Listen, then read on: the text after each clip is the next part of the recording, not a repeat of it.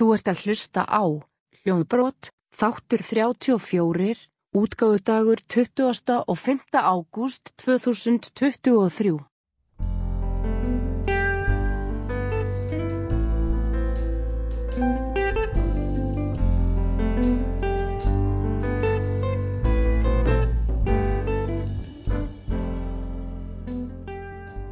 Komið sæl kæru hlustendur og velkomin í Hljóðbrott. Hlinur Þór Agnarsson heiti ég og stýri þættunum á samt Eithóri Kampan Þrastasinni. Velkomin Eithór. Já, góðu blessaður. Byrjum á stóru tíðindunum Eithór til Hamingju en þú ert með fréttir hand okkur. Herðu, jú, jú, ég segðs að það gerðist núna fyrir tveim vikum að við eignumst okkar annað barn, aðra dóttur þannig að, að hérna við erum búin að vera hérna í því að reyna að finna út hvernig maður á að, að sagt, hugsa um unga barn. Á sama tíma og maður er ennþá að hugsa um smá barn þannig að sagt, eldri dóttur mín er, er tveggjára eða verða tveggjára Ég í þessum pakka og, og þú ert með mjög áhuga að vera 23 ár framöndan Já, ég er að byrja svona að sjá hérna, það fyrir. Og hérna gaman að segja frá því að þú, þú talar mitt um hérna í, í hérna foreldra hlutverks þættinu sem við gerðum hérna um daginn. Að þeirra, þeirra litli þinn kom heim þá tók dóttiðinn strax og sagði dúka Já. og þetta var svo nákvæmlega sömu viðbröð og, og hérna eldri dótti mín uh, síndi þegar hún sá litlu koma sko Það er bara eins og það er bara skroppið út í kringlu og komið bara með dúku tilbaka. Sko. Og það er mikið sport, hún er reynda rosa góð við hana sko en, en hérna það er mikið sport svona að koma og trubla og þegar það verið að gefa henni sem sagt mjölk litlu nýfættu þá, þá vil Arjan alltaf koma og vera með í því eitthvað neginn sko.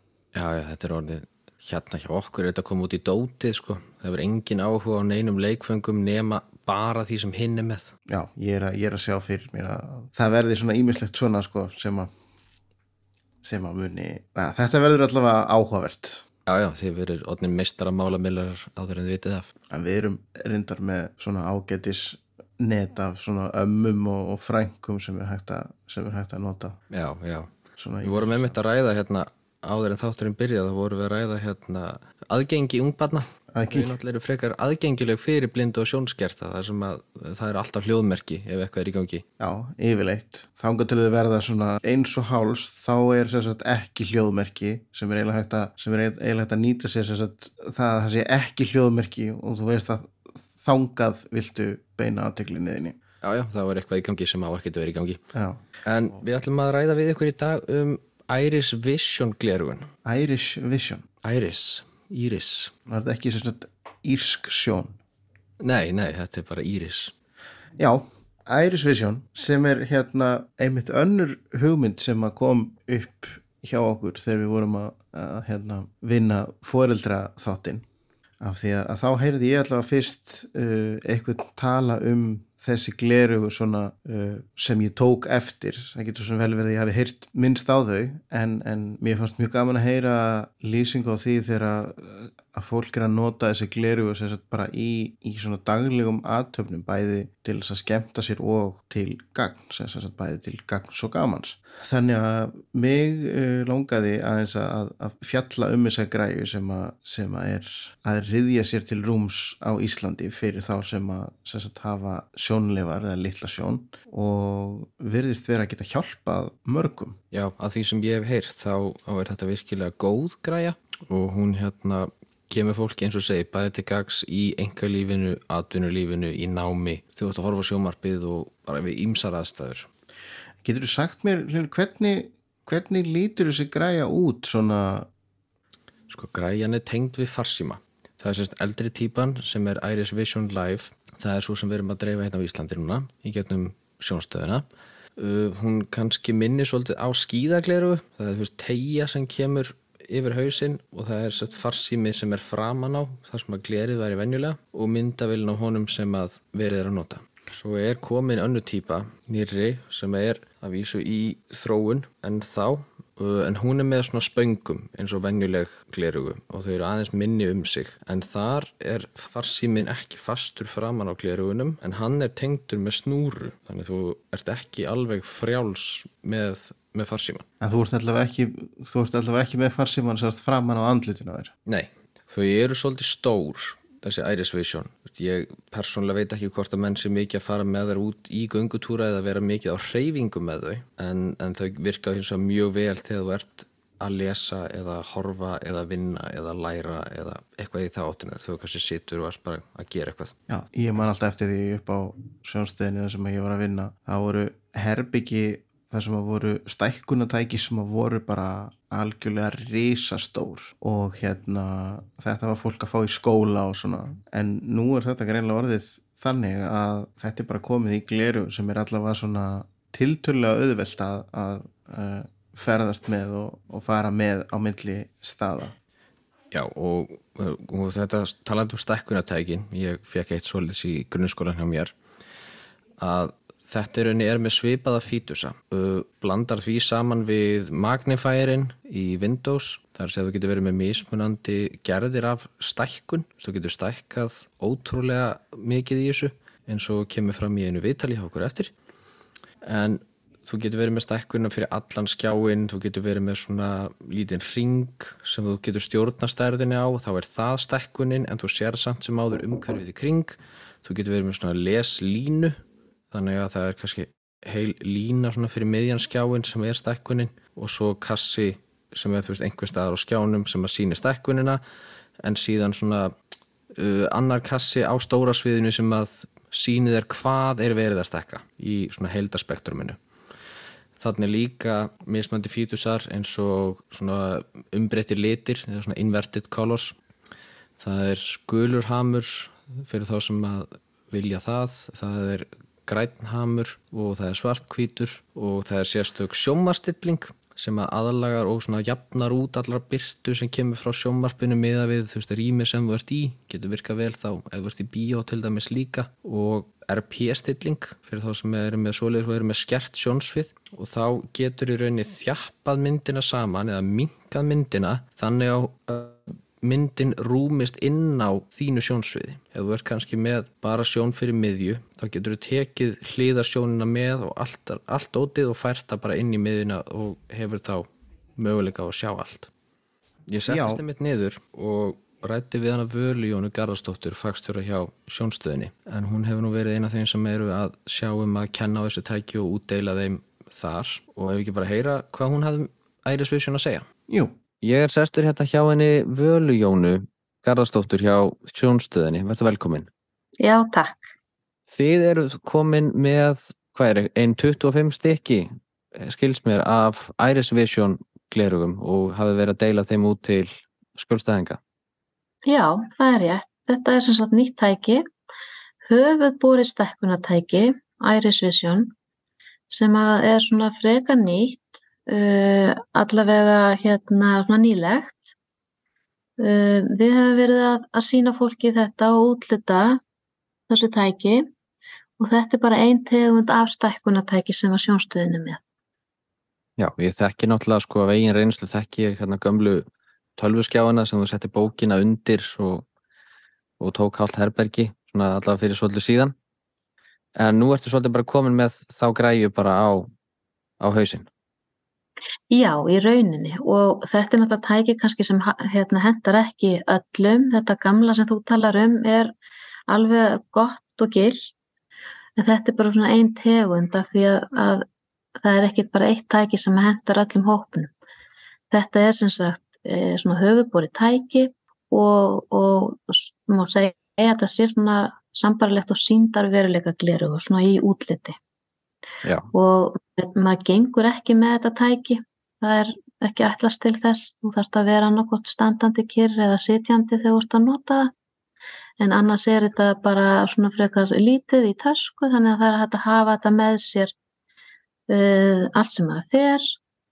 Og það gerur náttúrulega ekki með þetta stóra tæki. Það er svona, þetta er svona móbæl ef það má sletta. Þannig að já, ég hef hert að fólk er að taka þetta með sér í heimsóknir og handavinnu kvöld, bíó Já, það er akkurat það sem er sko og hérna og þetta er sko það eru margar stillingar eða, eða hérna mót eins og eins og við kallum þetta líka á slemri íslensku þannig að það er hægt að stilla þetta bara eftir því hvað fólk er að gera hverju sinni. Já, ég sá það, marga mismunandi útverstur af stækkun, þetta er svolítið eins og það tekur bara magnifærin inn í Windows sem dæmi, ert með mikið af þeim sömu stillingum að geta verið með stækkunar línu, stækkunar ring, stækkunar kassa eða bara stækkun bara yfir, yfir allt. Ekki, það hlýtur nú að vera fullt af svona nýjum möguleikum sem að tæki eins og þetta er að, er að koma með sér fyrir skjólstæðinga. Já, það er ein, ein stilling hérna í tækinu sem er vísna uh, hérna vinsæl og það er svo kallu television og það er stilling sem nota, hægt er að nota til þess að horfa sjónvarp eða tölvuskjá eða eitthvað slíkt og hérna hægt að stilla inn í þeirri, uh, þeirri sín er þetta stilla mismunandi byrstu til dæmis Þannig að ef að þú vilt hafa kannski meiri, meiri byrtu þá er það hægt eða minni, það er að stilla það bara eftir hverju mænum. Þannig að hérna, uh, já, þannig að þeir sem er að nota þetta, þeir sjá kannski myndina betur, jafnvel textan, en eins og segi þetta er mjög mismunandi, þetta tæki hendar ekki öllum, það eru margi búinir að prófa og einhverju búinir að fá útlutun og aðri sem segja að þetta sé ekki tæki sem hendi sér. Þannig að það er bara mjög mikilvægt að, að prófa og við hefum haft það þannig að fólk kemur til okkar, prófar tækið og svo þegar að tækið er laust þá fær fólk þetta tæki heim í viku, bara aðeins til að prófa heima hjá sér. Og þegar það svo skila tækinu þá svona er komin svona smá reynsla fólk átta sig þá kannski á því hvort þetta sé eitthvað fyrir, fyrir það. Og þá leggjum við inn umsókn og svo fer þetta í þetta ferli, umsóknarferli og, og, og hérna, já það er með önnur svona stótt finnur þá fyrir því mögulega þegar það skila tækinu og, og er aftur án þess þá þetta er svona, engin veit hvað átt hefur fyrir mist hefur. Já, kannski eitthvað svoleiðis en svo kannski þegar einhver kemur og, og maður heldur bara já þetta, þetta er sko máli fyrir þennan eða þessa. Og svo þegar fólk er búið að prófa þetta þá svona þá, þá hérna áttar það sig frekar á því að nei þetta er ekki fyrir mig, ég er ekki vissum ég muni nota þetta þannig að það er svo mikilvægt að fólk fá að prófa í rólihetunum heima og meðan þeirra svona að læra inn á það og, og, og skoða svona og hugsa í hvað tæki myndi nýtast Er einhver svona, hérna, svona sjónprósenta eitthvað þannig róf sem að þetta hendar fólki aðalega, er eitthvað, eitthvað, eitthvað varandi kynin eða aldurinn, hver eru líklega til að það hendi fyrir heldur en aðrir? Já, nei, það er nefnilega ekki, það er bara allir aldur. Um, það er svona þeir sem að eiga í rauninni rétt og útlutun, samkvæmt hérna reglugjörð, það eru þeir sem að telja slögblindir, þannig að, að það eru þetta það er ekki allir sem er að skrá hjá okkur sem geta fengið tækið. Þú þarft að, en það er fólk ekki að sækast kannski eftir en að sjáu mjög illa. Mhm. þannig að hérna en það eru bara, það er allur aldur. Uh, já ég man ekki alveg hvað yngst er og hvað elst er en þetta er mjög breytt bil. Ok, og svo náttúrulega er RP-stillingin á þessu líka sem að mér finnst algjör snild Já, fyrir þá sem eru með RP eða svona kikisjón, þá er stilling í tækinu akkurat fyrir það, uh, þá sjón. Þannig að hérna, þú getur valið og, og þegar við svo erum að útlita tækinu, þá förum við yfir allar þessar stillingar eða þess, þessar sínir eða mót eins og þetta kallast. Og við erum með 14, 14 mót í heildina 14 stillingar. Og ef að viðkomandi vil bara nota fjögur af þeim að þá felum við hinn tíu. Þannig að þú ert ekki að þau ekki að þvælast fyrir þér. Þá ertu bara með þær stillingar sem að hetta þér og svo má bara bæta í. Sumið byrja kannski með tvær og vilja svo bara svona bæta í einni og einni svona. Fólk finnur að fljótlega hvaða stillingar henta. Til dæmis eins og eins og hérna lestrar hérna stillingarnar. Það eru nokkrar, þú getur verið með sagt, svart og hvítu eins og maður þekkir vel, þú getur líka verið með hérna hvít og svörtu, þú getur verið með grænt og gullt og ýmislegt og fólk finnur bara mjög fljótt hvað hendar þar til dæmis og þá getum við bara falið þær stillingar sem fólk er ekki að nota. En auðvitað þú þarfst að geta hérna tilenga þér þetta tæki, þetta er svolítið, þú þarfst að færa fingurinn upp og, og þú þarfst að tvíklikka og það eru svona stillingar í tækinu sem þú þarfst að geta hérna notað. Um, svo auðvitað er líka hægt að tala við tækið og koma með ennsk fyrirmæli. Það er líka hægt. Að þá getur maður til dæmis eins og tvíklikkað og, og hérna og sagt tækinu hvað þá að gera. Eins og þú tvíklikkar og segir television, þá fer það beint í þá stillingu í staðin fyrir þú setja ít og takka þánga til þú kemur að television.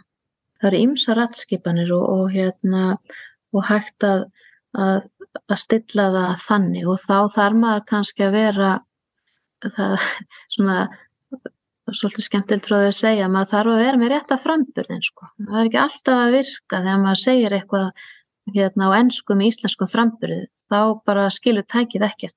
Þannig íslenska fyrir, fyrir ærisvísjón er eitthvað sem að væri spennandi fyrir framtíðina? Já, í rauninni, ja, bara algjörlega. Glæsilegt. Og ef einhver er að hlusta sem að döð langar til að prófa og hver væri næstu skref fyrir viðkomandi? Það verður rauninni bara að panta tíma hjá okkur að fá að prófa ærisvísjón og hérna Já, það er í rauninni bara fyrsta skrefið að hafa samband. Og það er bara ef þú ert með skilgjörningu sem löfblindur, þá áttur ég eftir að því að fá að prófa. Prófa, já. Uh, í rauninni ferlið er þannig að, að við fylgjum svo svolítið vel eftir að því við viljum gerðnan að þetta tæki sé að nýtast þeim sem að færða útlitað. Við viljum alls ekki að þetta tæki lendan í skuffu. Meni, þetta er ekki gefinstæki. Þetta er ekki alveg gefins og við viljum náttúrulega að það sé að nýtast og ef fólk er ekki að nota það að þá endilega skila því inn. Glæslegt. Mástu hvenna fyrsta tækinu var útlutað?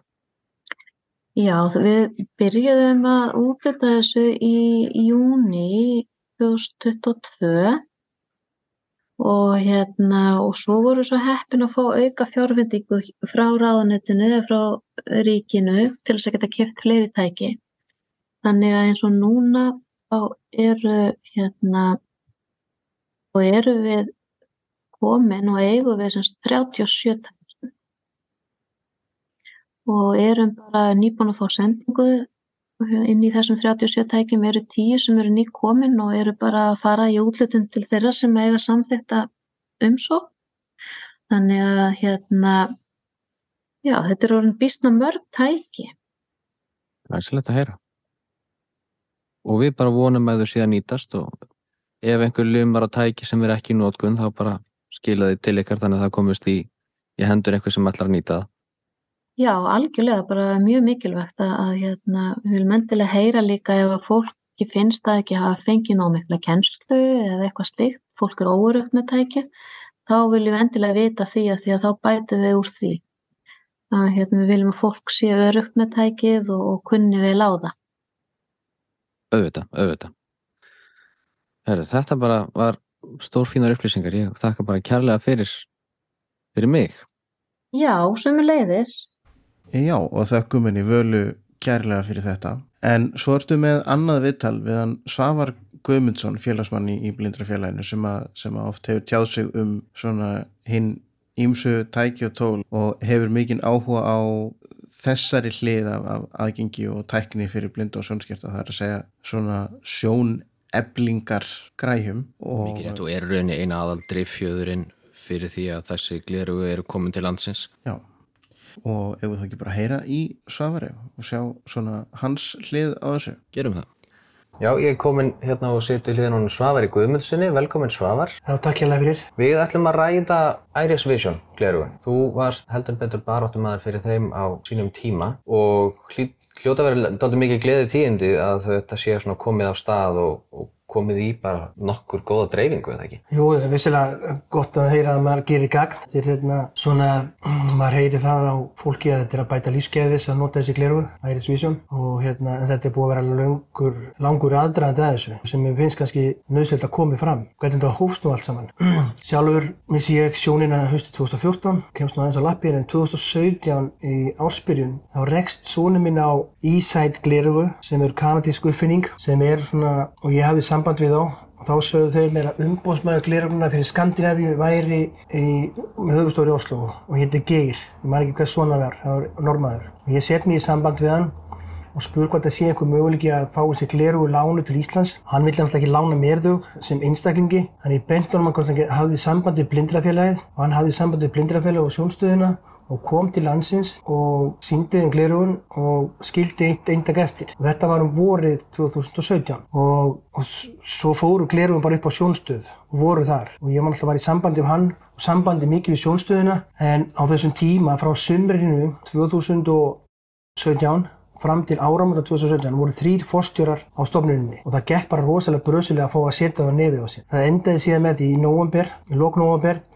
Þá var ég nöðbeigður til þess að skrifa grein í morgumblæðið sem byrti síðan á forsíðu morgumblæðisins, þetta var fyrsta fretti MBL á föstudagsmotni og greinin hétt bara Glerun í kassanum. Því Glerun voru bara alltaf í kassanum upp á sjónstöð. Það fekk enginn að prófa þau í halvt ár. Það voru einhvern til gags. Þannig að endaði með því að ég fekk að prófa þau en þau kunnu nú alltaf á þau. Þetta, þetta var mikið raf, þetta var mikið svona rafundur, þetta var mikið flókitæki með fjárstýringu og mjög erfitt bara viðregnar. En svo sótt ég maður að fá þetta tæki en því var hafnað, bara tók 15 að senda mér 8 blað sína úrskurð þar sem að mér var hafnað að fá glerúin. En í framhaldinu sótti í sambandi, samstarfi við umbóðsmannin í Norri og optikarstúdi á Íslandi fórum við bara náðum í glerúin til þess að leifa fólki að prófa þau. Þannig að úrvarða við fengum á einhverjum hálsmann á tíðanbili þá fekk optikarstúdjó fyrir sig þegar við vorum búið til svona aðstöðu upp í Kópúi til að leifa fólki að prófa og gerðu alveg kostnæðilausu.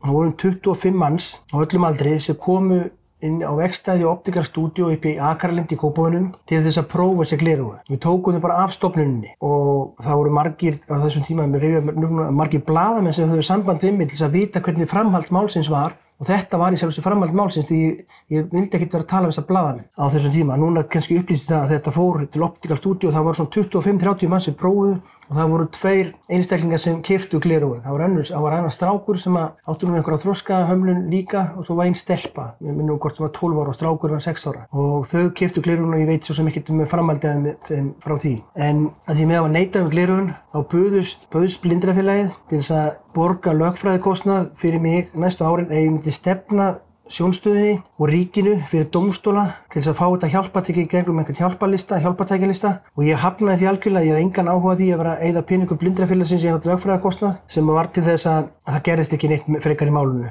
og ég vildi nota tíma minn eitthvað annað heldur en að standa ykkur stapp út af glerum. Þannig var upphæfið þessu. En svo gerist því sjálf og sér ekki neitt fyrir en í november, nei september 2008 2019, einu og halva ári síðar, þá rekst ég á netinu á gleru sem eru í líkingu við Iris Vision glerugun sem að hlinu kom nú inn á hérna upphafi og ég fer út við annan mann og hitti þar fyrirtæki sem ég mann ekki nafnið á. Það var svona, mér fannst það frábær tækni, mér fannst það frábær gleru en þetta fyrirtæki sem var nú, þessi stelpa sem var í fórsverði fyrir þetta fyrirtæki var nú kunni ekkert á þetta og lítið áhuga sem og fyrirtæki var ekki mert og ég hafði ekki tíma til að fara til Birmingham en ég ætlaði alltaf að kaupa þessi gleru. Svo var eitthvað sem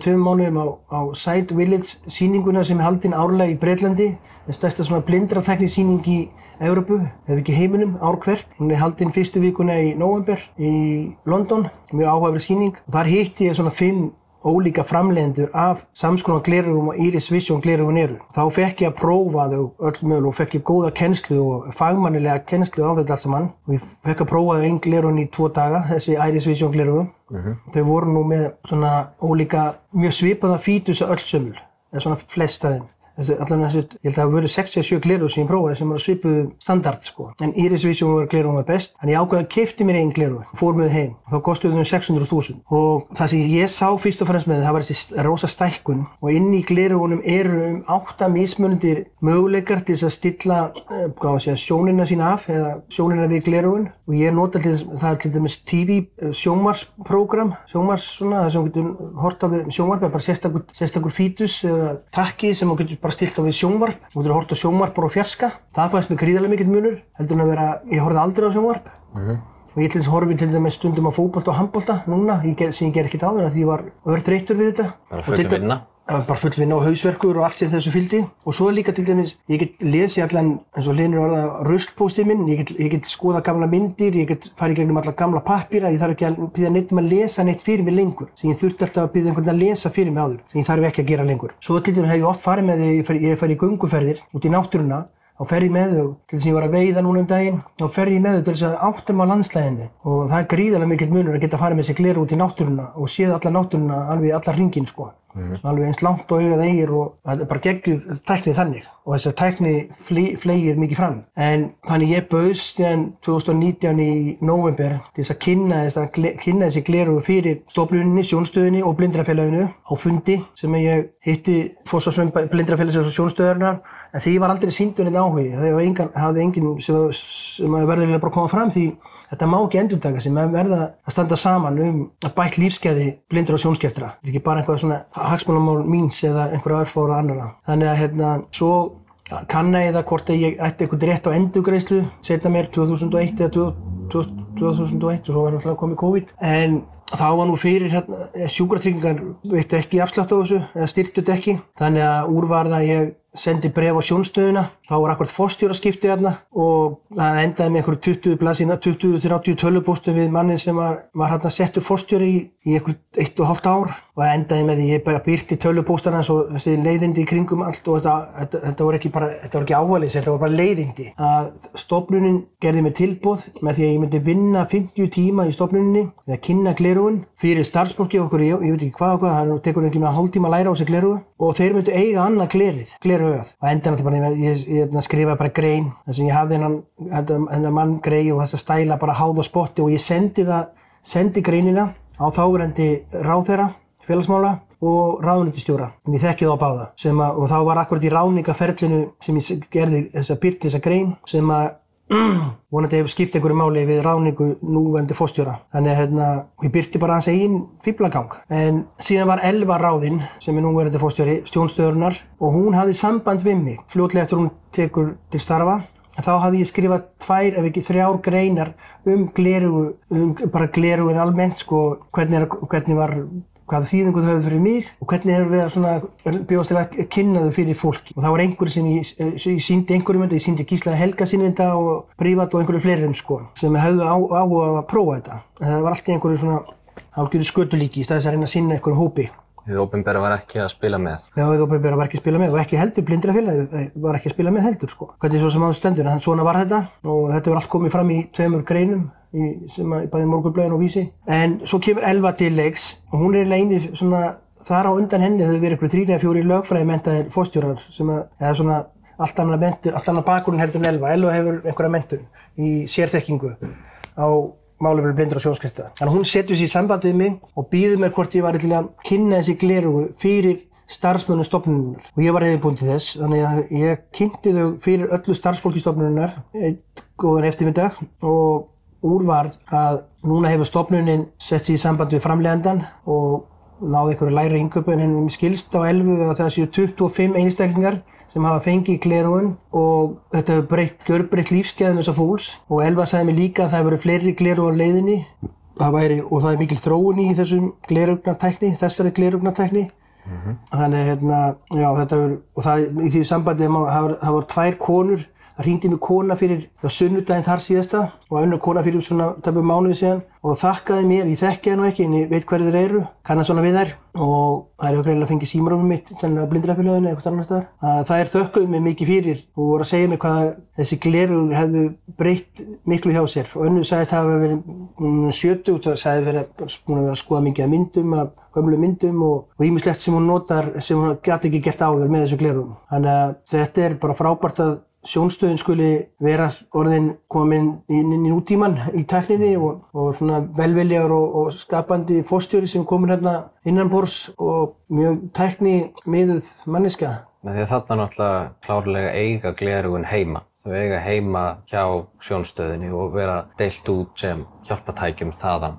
Já, til einstaklinga. Bara eins og stekkunar glerjum og, og, Já, já. og, og glerugum og öðrum. og fólk getur nálgast þau bara niður í fólk sem hefur á að prófa fólk fær þau með sér bæði kennslu á þau og svo fær það líka með sér heim í einhverja daga og sér hvort þau hendi sér þau eru mjög meðfærileg glerugum miðað við glerugum sem voru 2017 það var eins og maður veri bara að fara til tungsins sko, að vera með þau á haustum á sér sko. þau voru mjög, það er, það er ekki sambarilega sko. Sér það á þó ekki lengri tíma. Já, ekki en- lengri en tíma, tæpum tveimur árum sko. Þannig ef einhver er að hlusta og, og er forvitin og er velta fyrir sér hvort þetta sé eitthvað tækni fyrir sig, þá getur viðkomandi haft samband við sjónstöðun og fengið hreinlega bara að prófa. Þetta til stækkar all letur, þetta getur auðveldan að horfa sjónvarp, þetta er líka fyrir RP-sjúkdóminn sem er aldurstönd hrörnum í augbótnum, þetta er líka fyrir sérstaklega að lesa bara línur í texta og svo getur það líka fyrir með svona blöðru, svona bubble vision, sem er svona blöðru, þá getur það sett bara hring á ákveðin, á ákveðin flöt á, á pappír eða á blaði eða ákveðin flöti eða eitthvað og, og týnir einhvern, þá er auðvelt að finna, auðvelt að finna það og, og það er svo, það margs nýttsamlega og einhverju geta fundið út fleiri kost heldur ég í að nota þau svona koll að kolli. En kom það þér á óvart, hversu mikið þessi glerugu hafa getað hjálpað þér og bara bætt þitt líf og þín lífsgæði? Já, já, miklu meira heldur en gleraugu sem ég prófaði fyrst. Ég fór, fór út svona, ég alltaf sá þau fyrst, þarna, þessi fyrstu gleraugu sem ég fór hérna fyrst til London. Ég er búinn að fara þrjárferði til London og skoða þessi gleraugu og þá er þessi gleraugu, það er svo svakalega mikill munur á fyrstu gleraugun og setni þannig að hitt var mjög takmarkandi þannig að þessi gleraugu eru, já, komur óvart hvað eru, bæði meðfærileg, gagnast manni vel. Ef við má spyrja aðeins út í bara tæknina sem slíka, sem er verið að beita. Þetta eru bara glerugu sem eru þá með myndavél og skjá, Já. ef ég skil þetta rétt. Þetta er einhvers konar símatekni, þetta er sími. En það er líka sko, stýringin er í sjálfur sér á hliðin á gleraugunum sjálfum. Stýri símanum með, með sko tveimu tökkum á hliðinni, kveikir, slekkur. Svona við gagnaugað. Já, við gagnum það. Það eru allir þessi fítur, þetta er sára einfalt. Þú nota bara vísifingurinn, þess að færa á milli, sem er sára einfalt, á milli ólíkra möguleika til þess að auka skerpu og svona. Þannig að hver manneski er mestalegi hálftíma að læra á þetta sko Og þau tala. Og þau tala, þannig að það er, það er mjög greina og svo er líka, hérna, getur maður að tala við þau, maður getur sagt að, mm, en að set magnifier, hækkaðu stækkunarglerið, stækkaðu stækkunarglerið upp í 12, þá gerur hún það, set magnifier to 12, þá fer hún bara ríkur hún upp í 12, þetta 12 sé hæsti stækkunargler og sem dæmi, þá gerði ég það fljótlega eftir glerun það því það var COVID, fljótlega kom COVID þarna hálfu árið setna, þá var enginn í banna, þá fór ég upp í Hallgrímskirkju og það var enda á opið, svona uh, var einhverja, þó var einhverja, þannig ég fór upp í Hallgrímskirkju og leiti allar borgina og ég gætt séð, nánast gætt ég séð nafnið á skipunum niður við höfn, það svo, þetta er svo svakalig stækkun. Já, og heldur alveg skýrileika þó sérst Já, já. þetta mikla Já, stekka. já, náttúrulega þetta er smá æfing, þetta er smá aðlögun, Já, já, er hérna, eins og með allt. Já, já, en þú verður fljótur að hættir að hrista hausinn of mikið þannig að þú, já, já, þetta er alveg geggju tekni. Þetta er svona, þetta er ekkert ósvipu tekni eins og maður getur núna, eins og mér fannst það oft vanta í síma í gamla daga, það voru svona stækkunaglir. Núna er komið stækkunaglir í síma Já. Og að því litum til er þetta ekkert ósvipað nema þessi gleru bjóðu på meiri tekni möguleika fyrir eins og afmarkaða sjón eins og menn eru með ólíka, ólíka sjúk, auksjúkdóma þannig að það eru fleiri möguleikar í glerunum Eins líka bara að vera með báðar hendur frjálsar. Já, já, það er nú ekki smá mikill munur. Maður maður gat að það, það til þess að fyrstu glerunum, þá var maður fjárstýningu og mér finnst það hálf gali að vera með fjárstýningu fyrir blinda.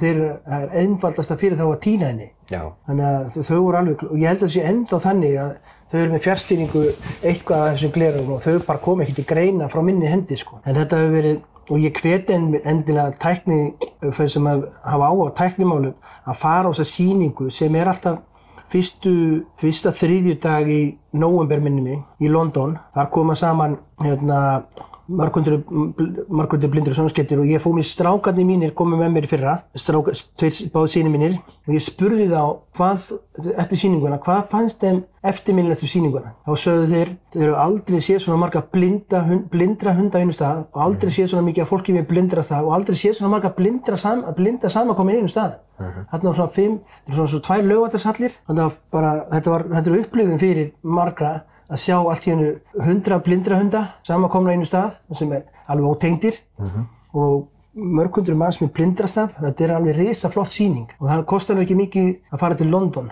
með góðan fyrirvara. Nei, það er... Og þetta er, það er frábæra tekni nýjingar alltaf hverja einustu síningu og ég hef sér farið sjálfur í nógambur aftur. Já, komið tvö ár síðan fórst síðast þá. Nei, ég fór í fyrra. Fórst í fyrra? Já, ég fór í fyrra. Svo fór ég, ég fór í fyrra og svo fór ég 2019. Það var, það var lokaðan í þrjú ár hann. Já, út af svo litlu. Já.